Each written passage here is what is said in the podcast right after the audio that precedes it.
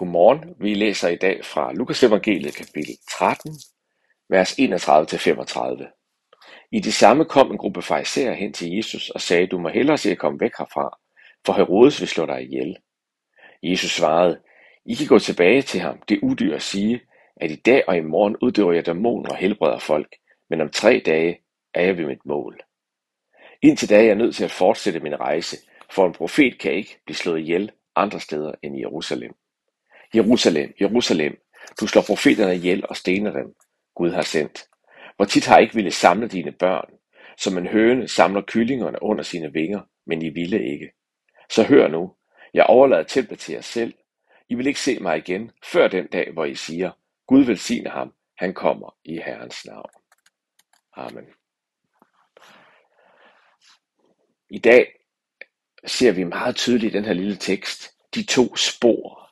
Ja, næsten, det er næsten det paradoks, som er i Jesu tjeneste. På den ene side i sit jordeliv, så helbredte han, han forkyndte, han inviterede mennesker ind i fællesskab, han tilgav.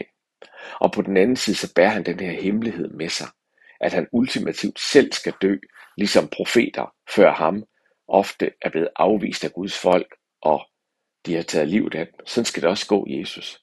Men Jesus ved, at selv når han dør, så vil det liv, der er i ham, være så kraftfuldt, at der vil komme liv igennem det. Derfor kan han sige, ja, jeg skal dø. I vil slå mig ihjel, og I vil ikke se mig igen før den dag, hvor I siger, Gud vil ham, han kommer i Herrens navn. Jesus er selv klar over den hemmelighed. Den er ikke helt gået op for hans omgivelser. Og jeg kan se flere steder i Nytestamentet, at de ikke forstår det, eller, ikke, eller også decideret afviser, at Jesus han på den måde skal dø. Nej, det skal du ikke, Jesus. Du skal være her hos os og bringe liv. Men Jesus fastholder, at der er de her to spor i hans tjeneste, og der er den her dybe hemmelighed, at da han sidst dør på korset og opstår påskemorgen, der bringer han ultimativt Guds rige. Her lægger han spor ud til det. Og det fortæller os noget meget vigtigt om Gud. At han kan virke gennem liv. Han kan virke ind i den her verden. Han kan helbrede. Han kan gribe ind. Og så kan han virke igennem det, som fremstår som det modsatte af alt, hvad der er liv og hvad der er godt, netop død. Han kan virke igennem de mest mørke begivenheder, der kan han lade sit rige komme.